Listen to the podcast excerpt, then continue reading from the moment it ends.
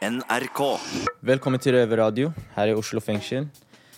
Jeg heter Malo og sitter her rundt den magiske bordet med Matta Jo. og Chris. Hello, hello. Ja, Um, vi har fått en klage fra en lytter som mener at vi er altfor glad her i studio og her det. i Oslo fengsel.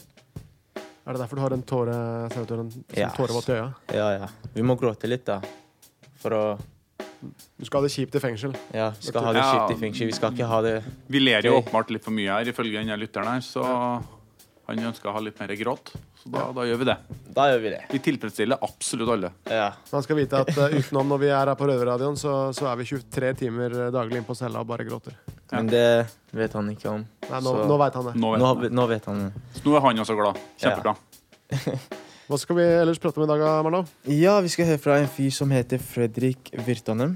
Uh, han har hata det svenske samfunnet, og ingen ville gi ut bøkene hans inntil han kom til Norge og Gloria forlag.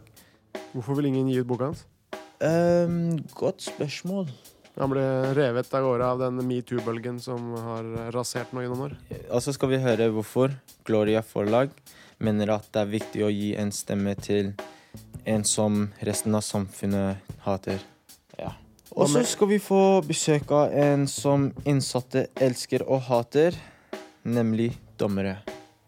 Elsker og hater. Ja. Nei, elsker og hate. Elsker å hate. Hvilken dommer er dere her, Matta? Vi har, eh, skal prate med en eh, høyesterettsdommer.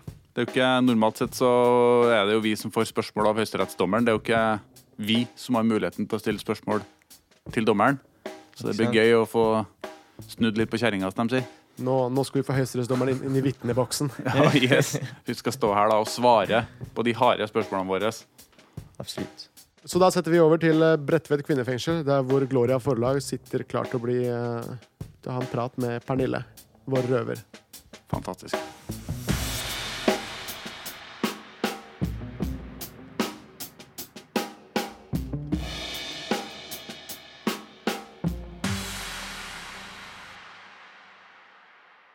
Langt skal man strekke seg for å gi forhatte folk en plattform for å ytre seg? Velkommen til Bredtvet kvinnefengsel. Jeg heter Pernille, og vi har besøk av Gloria forlag. Her ved forlagssjef Anne Gåthaug Hei. og sjefsredaktør Kristin Brandtzæg Johansen. Hei. Dere har jo gitt ut en bok i det siste, og det store spørsmålet da er hvem er Fredrik Virtanen? Fredrik Virtanen er eh, en svensk eh, journalist som var eh, en veldig populær og kjent medieprofil i Sverige i mange år.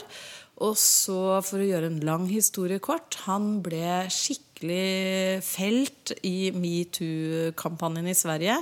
Ikke av domstolene, men av media selv. Det var et voldsomt styr rundt Fredrik Virtanen.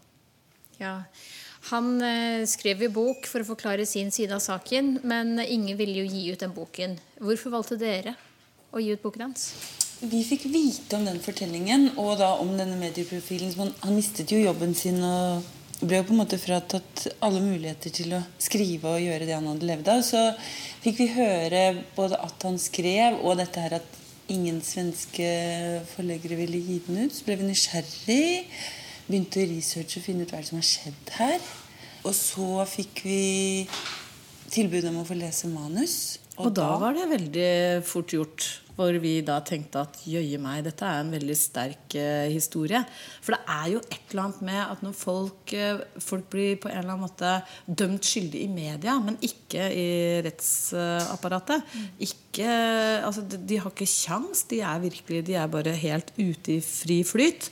Da er det utrolig viktig å kunne være eh, i, i stand til og gi dem en plattform som eh, vi gjorde da, med, med boka 'Uten nåde'. Og Nå skal det jo også sies at han skriver veldig godt. Eh, Han har veldig gode kilder på det han eh, skriver om. Sånn at det var, ikke noe, det var ikke noe vanskelig for oss å anta den boka som forlag da. Tok dere noen gang hensyn til Virtanens ofre? Uh, ja, uh, altså hva skal jeg si? Ja, ja, selvsagt. Og samtidig som jeg tenker at uh, offeret blir sånn rart eh, uttrykk. da. Men, men hvis man skal kalle vedkommende som anmeldte han for uh, voldtekt for offer. For det, det, var hun jo i en uh, periode, i hvert fall.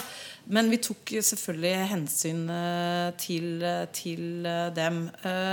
men det som, altså, og det er jo det som er viktig å, å huske på da, det var jo at i eh, veldig mange år så ble Virtanen utsatt for eh, anklager, anklager, anklager som ble gjenfortalt, gjenposta på sosiale medier før da storsamfunnet ved mediene eh, outa han som den store eh, overgriperen. Og i det øyeblikket han da ikke fikk noen mulighet til å kunne prate og forsvare sin sak, til tross for at det hadde vært en større politietterforskning som var lagt ned fordi at de ikke fant noe kriminelt utsatt, da tenkte vi, når vi da tok denne, dette manuset til oss, at uh, vår definisjon av uh, offer her går like mye på hans side, kanskje mer. Eh, ingen i Sverige ville jo gi ut boken. Hvorfor ikke det? Uh, nei, i Sverige så var det jo en veldig, og er fortsatt, en veldig sånn sterk uh, feministisk, uh, politisk korrekt bevegelse som gjør at stemmene deres er veldig, veldig sterke. Så det var jo mange av de forlagene som ble tilbudt dette manuset som rett og slett syns det var Det ordet de bruker, et par av dem i hvert fall, var eh, Det kjennes litt. Altså det blir for Ja, det blir rett og slett for vanskelig. Så for eh, Fredrik Virtanen så blei det rett og slett en litt sånn shutdown på mulighet for å få det gitt ut. Ja. Og hvorfor er det viktig å gi stemmer eh, til folk som samfunnet avviser? Nei, det er litt i forlengelsen av det vi akkurat snakket om. så er det det når én fortelling på en måte få lov å Alle var jo enig i det med metoo, at det var viktig. Men når én fortelling på en måte får lov å få hele rommet, så, jo, så skjer det ofte noe underveis som gjør at det er veldig vanskelig å lage motfortellinger. Det, det, manuset vi først fikk, var jo en mann som omtrent hadde skrevet for å overleve. Som er helt sånn stengt på utsiden og ikke har noen Ikke noe sted man får lov å komme til orde. Ikke noe sted å si noe fra eller forsvare seg. Så da er det jo litt når vi, så, når vi så det bildet, og i det bildet så er det veldig viktig å gi motstemmer, eller de stemmene som ikke på en måte har eh, sine plattformer, da, for å bruke det ordet, gi de talerett eller taletid eller eh, skriveplass. Ja. Mm. ja. Nei, jeg er jo imponert over det. Dere skal jo også gi ut en bok om andre uglesette folk. Nemlig oss røvere. Jeg ser jo et mønster her. Er dette noe dere skal fortsette med? vi vi syns jo det Som forlag, og når vi starta Vi er et ganske nytt forlag, så var det jo det der å finne de fortellingene i vår tid som sier noe om hvem vi er, og den tiden vi lever i. Og det, det der lete etter de historiene som ligger litt sånn i utkanten, som som, som, er, som er, er, jo interessante fortellinger i seg selv. Men det vi også tenker, er jo at det sier litt om hvem vi er. Vi som, hvem, som inn, hvem som er på innsiden og hvem som er på utsiden. At det er jo interessant i seg selv. Og da tenker vi litt sånn at synes, da, blir, da, er det også i tillegg til at det er gøy å være forlegger, og vi er interessert i å lese og bøker. Og, men da syns vi også det vi kommer i berøring med fortellinger som er litt viktige. Så vi blir litt sånn ikke bare litt viktig, men også Uh, altså viktige i den forstand at særlig med røverne da, og det prosjektet som uh, vi skal i gang med, så er det klart at der er det, det er veldig mye sterke historier. Det er mye tragiske historier, det er mye morsomme historier, varme historier. Det er foreldre som, blir, som ikke har kontakt med barna sine. Det er forhold som går i oppløsning. Og så er det en del humor, og det er mye kunst. Det er folk som tegner, illustrerer. Så det er, liksom, det er, sånn, det er jo et parallellsamfunn da, som, som vi mener at er veldig viktig eh, å gi en stemme til. Og det er derfor, tror jeg, at eh, røverradioen som sådan også har blitt såpass populært som det er. At folk lytter til røverradioen og skjønner at de historiene som eh, blir fortalt ut fra dette mediumet her, da, det kan godt komme inn i en bokform og da bli presentert for ytterligere folk som vil ha glede av å lese disse fortellingene. Hvor går grensene deres? Hvor langt vil dere gå? Vil dere gitt, en, uh, gitt ut en bok om mannen bak Utøya-tragedien? Nei, altså ikke hans uh, fortelling. Det, det, der, altså, grensa har nok gått lenge for der. Altså En fortelling om, uh, om det som skjedde 22.07. i seg selv, er jo en interessant fortelling. Men ikke hans fortelling. Er, den ligger langt, langt bortafor grensene. Så grensene det, det, er vanskelig å si, fordi det er, liksom, det, er alt ettersom eh, hvem som er avsenderen, hva prosjektet er. Men det der å gi uh, stemme til uh, Eller en sånn forsvarsskrift og en sånn trompet til uh, en som åpenbart har gjort noe så grusomt eller litt sånn alt på feil side av loven. Der tror jeg vi skal vokte oss vel. Det er som vi sa eh, tidligere, at det er jo, det er jo de gode fortellingene, de interessante fortellingene. Det er de vi ønsker eh, å gi ut. Men det er det både Virtanen-boka og røverhistoriene i, i vårt eh, Når vi leser, så har det det til felles. da At det må jo være fortellinger som vi syns er viktige, og som gjør verden større, og som gjør at vi forstår noe på en annen måte, eller forstår noe mer. Det er jeg helt enig med. Det var veldig godt sagt, Kristin. Når kommer boken ut? Røverhistorier. Den håper vi vel at skal være klar for uh, norske bokhandlere og norske lesere i ja, siste halvdel av oktober, håper vi. Det må vi prøve å få til. Midt i bokhøsten kommer den. Vi har begynt å samle fortellinger og velge ut de aller fineste, rareste, viktigste, morsomste. Så bra. Vi gleder oss. Det gjør vi òg. Tusen takk for at dere kom. Tusen hjertelig takk. Det har vært veldig veldig fint å være her. Skikkelig fint å komme hit. Innsatte i norske fengsler lager radio. Du hører Røverradioen i NRK P2. Vi har klart å finne en dommer av høyeste grad som uh, tør å komme inn blant oss straffedømte og prate med oss kriminelle. Høyesterettsdommer Kristin Nordmann, velkommen bak de varme murene her i Oslo fengsel. Tusen takk. Jeg heter Mata, og jeg står her med min høyre hånd, Tito. Som alltid. Du har, du har vært på en uh, fengselsturné. Jeg har sett deg faktisk fra luftegården. Det stemmer. Jeg var her en dag. En hel dag? Ja. Så gikk du rundt og så? Jeg var rundt i hele fengselet og så. Jeg har vært i veldig mange fengsler. Det gjorde sterkt inntrykk. Det gjorde det? Ja. Men hvorfor var du der?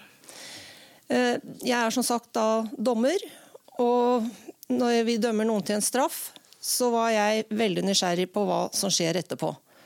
Og Da er saken avsluttet i domstolene, og da er det kriminalomsorgen som overtar. Du ser hva som skjer eh, etter at ja, nå, Jeg vet ikke alt hva som skjer, men jeg vet i hvert fall veldig mye mer enn før jeg begynte dette, disse besøkene. Ja. Jeg syns det er bra, ja. at du Jeg er blitt tatt veldig godt imot, både av innsatte og ansatte. Får du noensinne dårlig samvittighet for en dom? Har du sympati for den dømte, eller uh, har han gjort noe galt, så er det bare sånn? Nei, hvis jeg mente at uh, har han gjort noe galt, så var det bare sånn, så tror jeg ikke jeg hadde brukt to måneder på det jeg nå har gjort. Og et av uh, formålene var jo å snakke med innsatte, og det har jeg gjort. Jeg har særlig på Ila fått god tid med å snakke med forvaringsdømte. Så jeg, ja, jeg får uh, sympati med de innsatte. Jeg får ikke dårlig samvittighet for en dom, men det hender at uh, jeg er uenig med lovgiveren, som er Stortinget. Men vi skal jo følge de lovene de gir.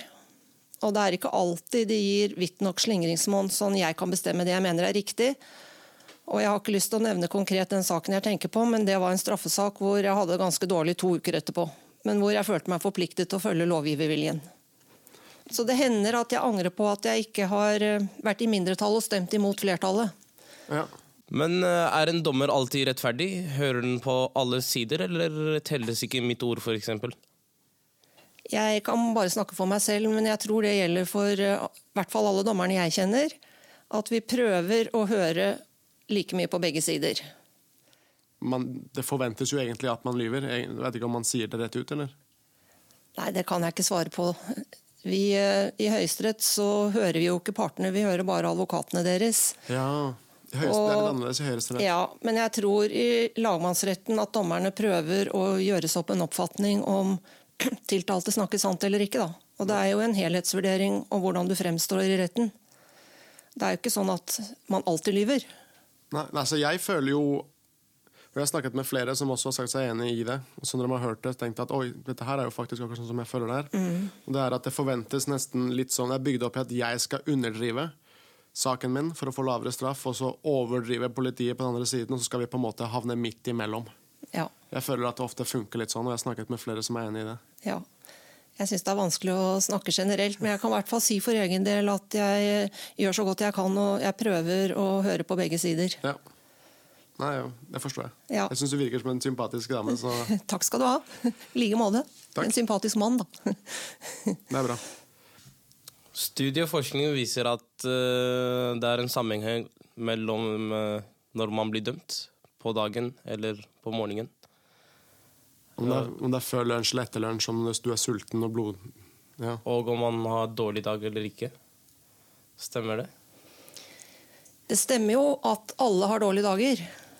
Nei, men Men- Går det utover eh, Da har jeg en trøst eh, for min egen del. At hver gang vi sitter i retten, så er vi fem dommere. Og da får vi i hvert fall håpe at ikke alle fem har en dårlig dag samme dag. Og er det i tingretten hvor det er én dommer, så har man en ankemulighet. Hvis man mener at det har vært utslagsgivende. Det er bra. Så hvor, objektiv føler du at du er? Altså Er ikke loven basert på kollektive, semiaksepterte synsvinkler eh, basert på tiden vi lever i? Hvor objektiv føler jeg at jeg er. Eh, Jeg føler at jeg prøver Det spørs hva du legger i det. For meg går det på at jeg må høre på begge parter. Og like mye på begge parter. Og man er jo det er jo en grunn til at eh, dommere har ulik bakgrunn, for vi er jo preget av den bakgrunnen vi har, hvor, hvor vi er født hen, hvilken jobb vi har hatt før vi ble dommere.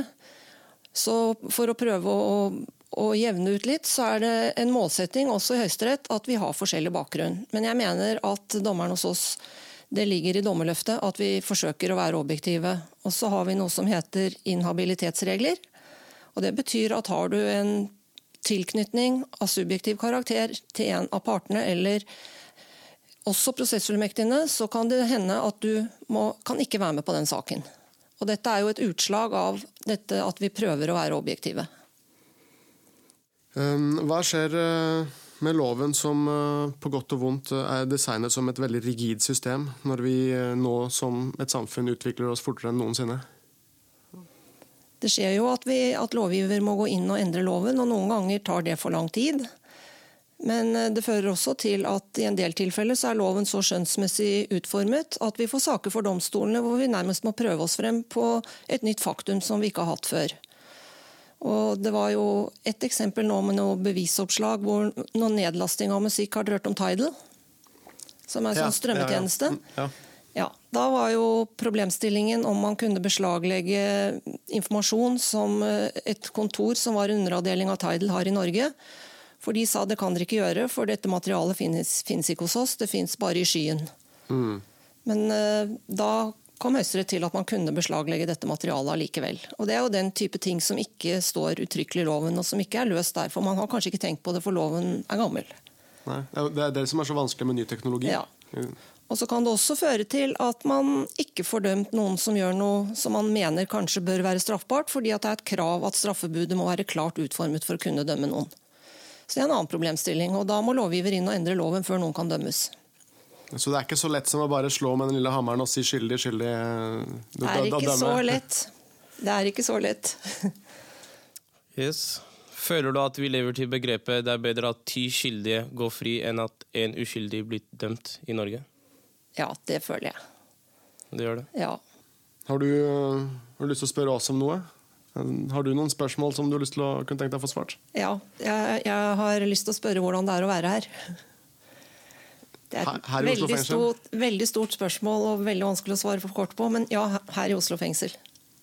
Nei, det er jo egentlig ingen tvil om at altså, Det er ikke alle som sier seg enig, men jeg tror alle som sitter i fengsel, sier seg enig i at dette er Norges verste fengsel. Men så av all isolasjonen og alle de manglende midlene.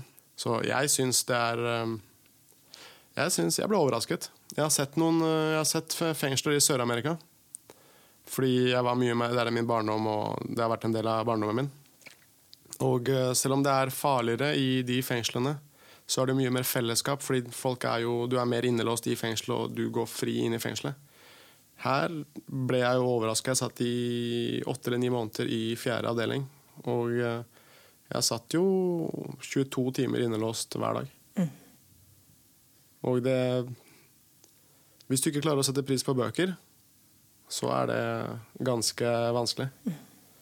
Jeg veit at eh, Tito han sitter mye innelåst ennå. Ja, jeg sitter fortsatt innelåst, men eh, det er ikke noe jeg får gjort noe med, ikke sant? men eh, det har jo vært sånn i lengre tid.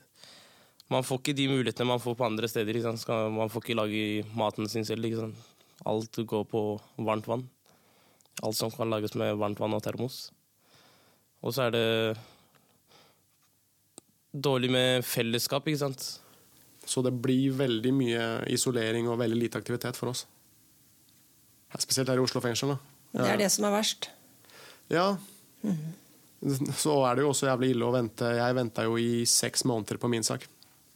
Alle bevisene, så det var jo Min sak gikk ut på å vente på test, altså lab-testene fra Kripos. Og det var jo ventelista der var jo utrolig lang. Ja. Og det er kjipt å ikke vite.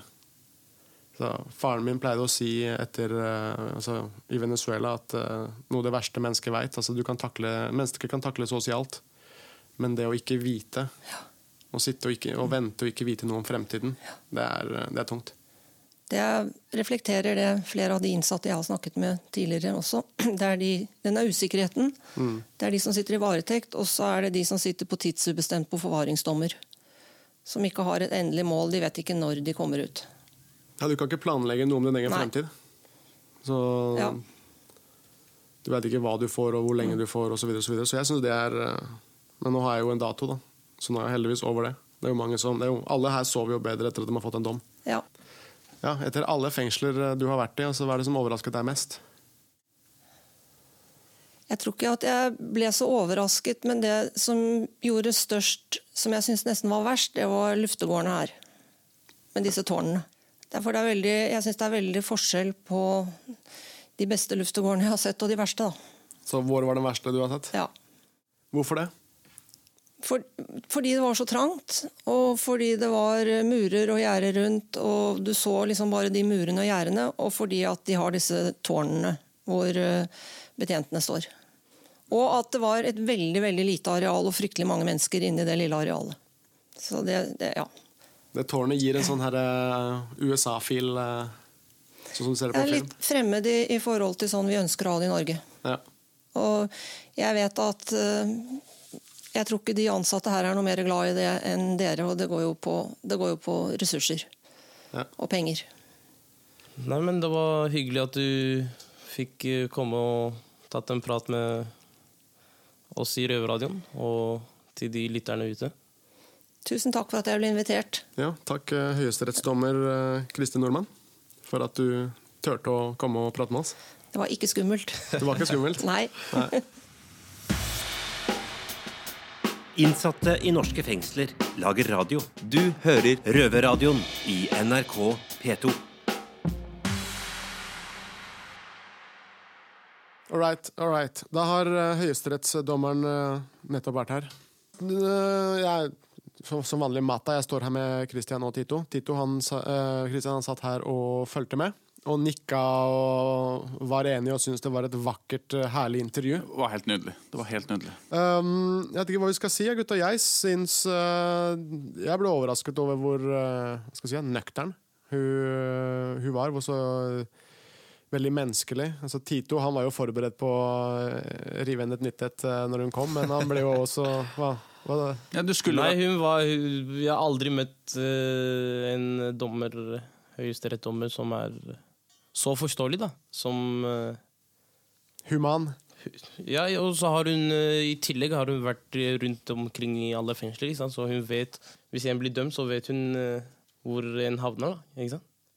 Sånn kort fortalt, sånn, uh, var, det, var det greit uh, å snakke med en uh, høyesterettsdommer, Tito? Jo, det var det var- det, var, det var greit å møte ansikt til ansikt. Du var så tent på og var klart på krigsstien, og så kommer hun inn, og du smelter jo og blir en snill Jeg har ikke sett deg så myk noen gang. Nei, nei, men hun var, hun var en uh, veldig bra dame. Hun, eh, hun hører og er ikke som de andre som Jeg har en mistanke om at de hadde et advokatmøte Nei, et det, sånn dommermøte der hvor de skulle velge én dommer. snilleste.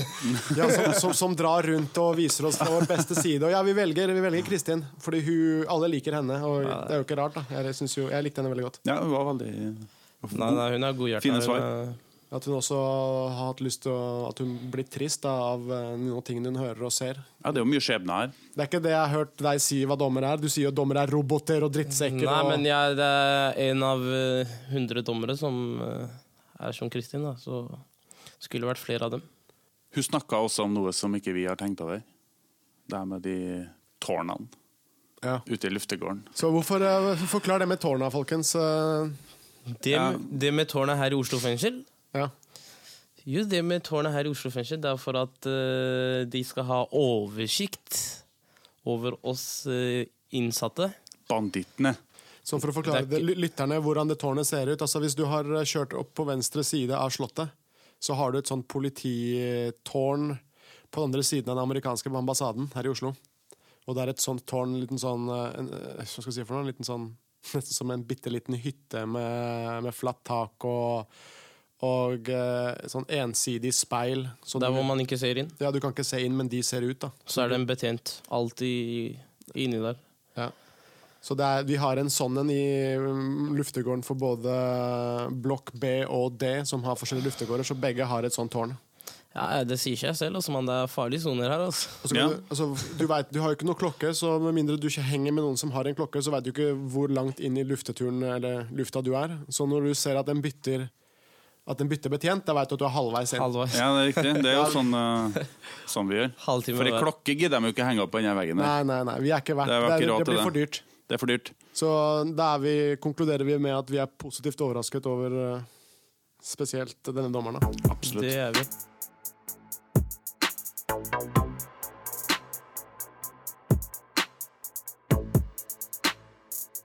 Bom, sendinga er straks over. Åssen syns du det gikk med sendinga i dag? Som vanlig så syns jeg det gikk bra. Ja, Vi, vi gjør jo ikke noe annet enn god jobb. helt Hva syns du om eh, intervjuet fra Bredtvet? Nei, jeg syns det er viktig at alle uansett jeg eh, skal få prate. Jeg er en sånn en at eh, jeg syns ikke du skal knebles bare fordi du har en sosialt eh, uakseptert mening, eller om du er dømt eller whatever. Altså, uansett hva det skulle være for noe, så Det er klart, altså En av de mest grunnleggende rettighetene vi har i landet, her er jo ytringsfriheten. Og her er det jo en svenske som ikke bare har mista ytringsfriheten sin, men han har jo mista alt mulig annet også. Han er jo, han er, han er jo ikke dømt av staten. Eh, vi skal ikke si at han har gjort eller ikke gjort noen ting. Jeg personlig har ikke noe formening om det. Jeg har bare sett det jeg har sett i media. og Karen er jo ikke dømt for noen verdens ting, men allikevel så er det sånn at, at, at han kan ikke engang dra på butikken med familien sin og handle uten å bli eh, altså, Mobba, liksom. uglesett, mobba, kanskje verre ting. Og det er jo, det er jo ganske sykt, da. Og, og så skal han samtidig ikke få lov til å gi ut en bok. Så all ære til Gloria forlag. ja. Men uh, hvor, er det, hvor er det folk kan eh, høre oss, Marlos? På NRK P2 lørdag halv fire. Eh, på podkast når som helst, hvor som helst. Ja. Ja, Hva skal du på stell etterpå, Marlon? Hva skal jeg på cella etterpå? Jeg vet ikke. Gråte litt. Ja, vi skal alle gråte litt. Ja. I dag er det faktisk I dag må vi gråte litt. Eh, vi, har jo som, eh, vi, vi har jo som oppgave her i Røverradioen å gjøre at alle sammen er Alle lytterne våre skal være 100 fornøyd. Vi har en 100 fornøyd Ja. garanti. Ikke sant? Så han ville gjerne ha mer gråting. Så, nå skal vi gjøre vår jobb, og vi går og gråter. Ja. All Ikke right. sant? Ta med oss noen tørklær, da. Ja. Ja. All right. Ha de! Ha det. Ha da!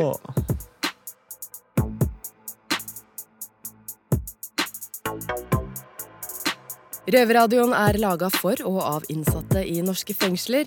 Tilrettelagt for streitinger av Rubicon for NRK.